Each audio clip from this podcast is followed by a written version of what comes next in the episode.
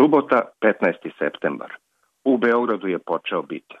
Ovogodišnji slogan pozorišnog festivala je Svet bez ljudi. Baš depresivan slogan, ali je istinit kada pogledam taj svet oko mene. Svet bez pravih ljudi. Mislim na one koji treba da rade u našem opštem interesu. To naravno ne važi samo za Beograd i Srbiju. Nacionalizmi i populizmi bujaju i šire se po svetu čak i tamo gde sam mislio da nikada neće doći. Jedna za drugom otvaraju se pandorine kutije svuda po svetu. Nisam baš siguran da oni koji su ih očepili znaju kako da ih zatvore. Ksenofobija, urušavanje demokratije, pretnje, retorika meni znana iz nekih ranijih vremena koje su se završavala u stradanjima i opštem čemeru. Eto tema i za pozorište. Na Bitnefu sam gledao predstavu Svita broj 3, Evropa. To je muzički resital autora iz Francuske koji se sastoji od 28 zapisa koliko Evropska unija sada i ima članica. Puno simbolike i tone tamne meni turobne. Da ne poželite da budete tamo. Nedelja 16. septembar. Ispratili smo goste iz Indije. On, profesor na IIT u Bombaju, najelitnijem tehničkom univerzitetu u Indiji, obrazovan erudita koji je kvantnu fiziku predavao po svetskim metropolama. Ona, potpuno nekonvencionalna indika, fascinantna kao i njena zemlja. Upravo je završila magistarske studije u svojoj šestoj deceniji života. Prvi put su u ovom delu Evrope. Moja supruga Svetlana i ja smo im pokazali Beograd i ispričali razne priče o ovim prostorima i njenim ljudima. Sve ih je interesovalo. I narodne nošnje u etnografskom muzeju, i borba Petlova Paja Jovanovića u Narodnom muzeju, Kalemegdan, crkve i stari i novi dvor i priče o vladarima koji su nekad vladali i stradali. Baš im se iskreno dopao moj grad. Nadam se i potpredsedniku Indije, Venkaja Naidu je u zvaničnoj poseti Beogradu bio u isto vreme kada smo mi gostili naše prijatelje iz Indije.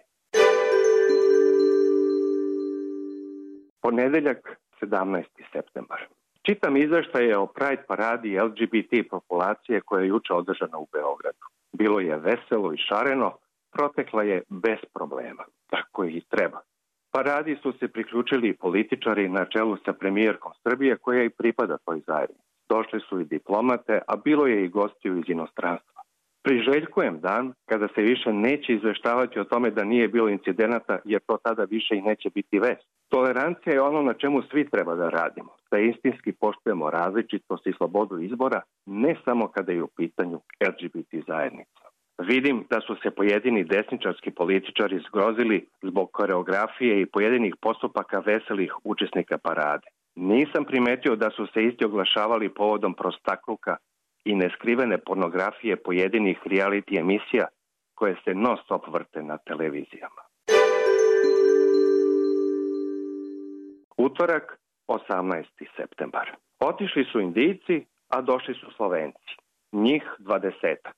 To je grupa koja zajedno povremeno putuje po svetu, a sa njima i naš drugar iz Beograda, koji im je ovde bio domaćin. Slušam naše goste kako pričaju o tome šta su sve videli po Srbiji. Sada, a i prilikom ranijih dolazaka. Obišli su više istorijskih lokaliteta od mene, sramota me da to priznam. Beograd je inače pun stranih turista, puna kuća gostiju i imaju i šta da vide i šta da čuju. Mi koji ovde živimo često zaboravljamo da smo sve to imali ili da još imamo, bez obzira što mnogo toga i dalje nemamo. Sreda, 19. septembar. Dan posle velike utakmice. Crvena zvezda je posle 26 godina ponovo u Evropi. Nerešen rezultat na futbolskom terenu protiv italijanskog Napolija i nije bitan. Meni je bitna ta pozitivna energija koja se osetila svuda. I na tribinama stadiona, u gradu, baš svuda.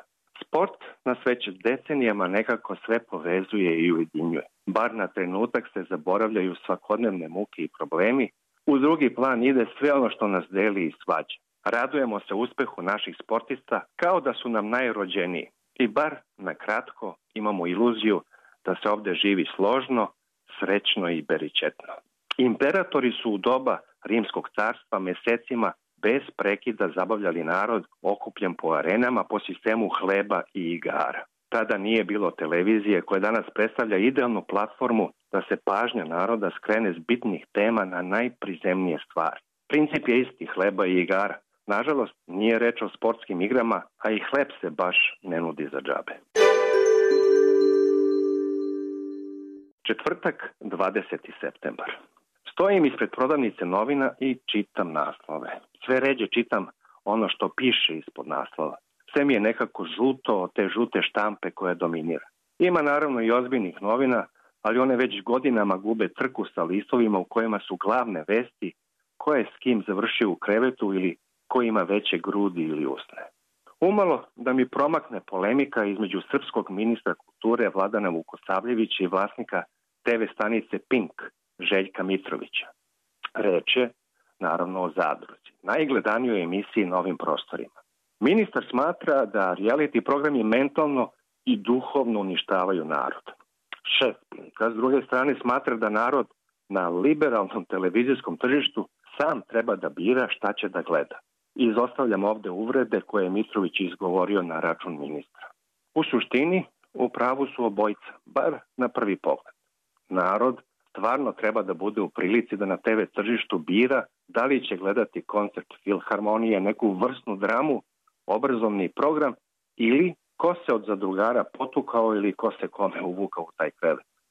Izbor treba da postoji, ali sve ima svoje granice, ne samo kada je reč o opštoj pristojnosti. Suštinsko pitanje je kako smo došli do toga da se većina opredeljuje za prostakluk, ispiranje mozga i pornografiju. Nije u pitanju samo zadruga, već i sve ono što se objavljuje po tabloidima i na televizijama. Postoji nešto što se zove društvena odgovornost i moralna obaveza tih medijskih šefova da stvarno svi ne požutimo. Petak, 21. septembar. Sve u svemu bila je ovo ne baš prosečna nedelja. 52. bitev je u toku, a otvoren je i oktobarski salon. 57. po redu. Predsednik Srbije je bio u uspešnoj poseti Kini, a potpredsednik Indije u Beogradu. Promenjen je vojni vrh, a Srbija je navodno za džabe prodala još jedan strateški privredni gigant. Kosovo je i dalje ni tamo, a ni ovamo, a Crvena zvezda je ponovo u Evropi. Ni jedan mafijaški džip nije odletao u vazduh, a paradu su imali pripadnici LGBT zajednice. Ređali su se događaje i vesti kao na šarenoj višeslojnoj torti. Šlag na njoj su svakako i novogodišnji ukrasi koje su gradske vlasti počele da kače po Beogradu. Taman na vreme za 7. novembar za proslavu Divalija, Hindu praznika svetlosti. Ne znam da li je visoki gost iz Indije imao priliku da vidi te naše ukrase, ali eto, na vreme smo počeli. Još ni leto nije završeno.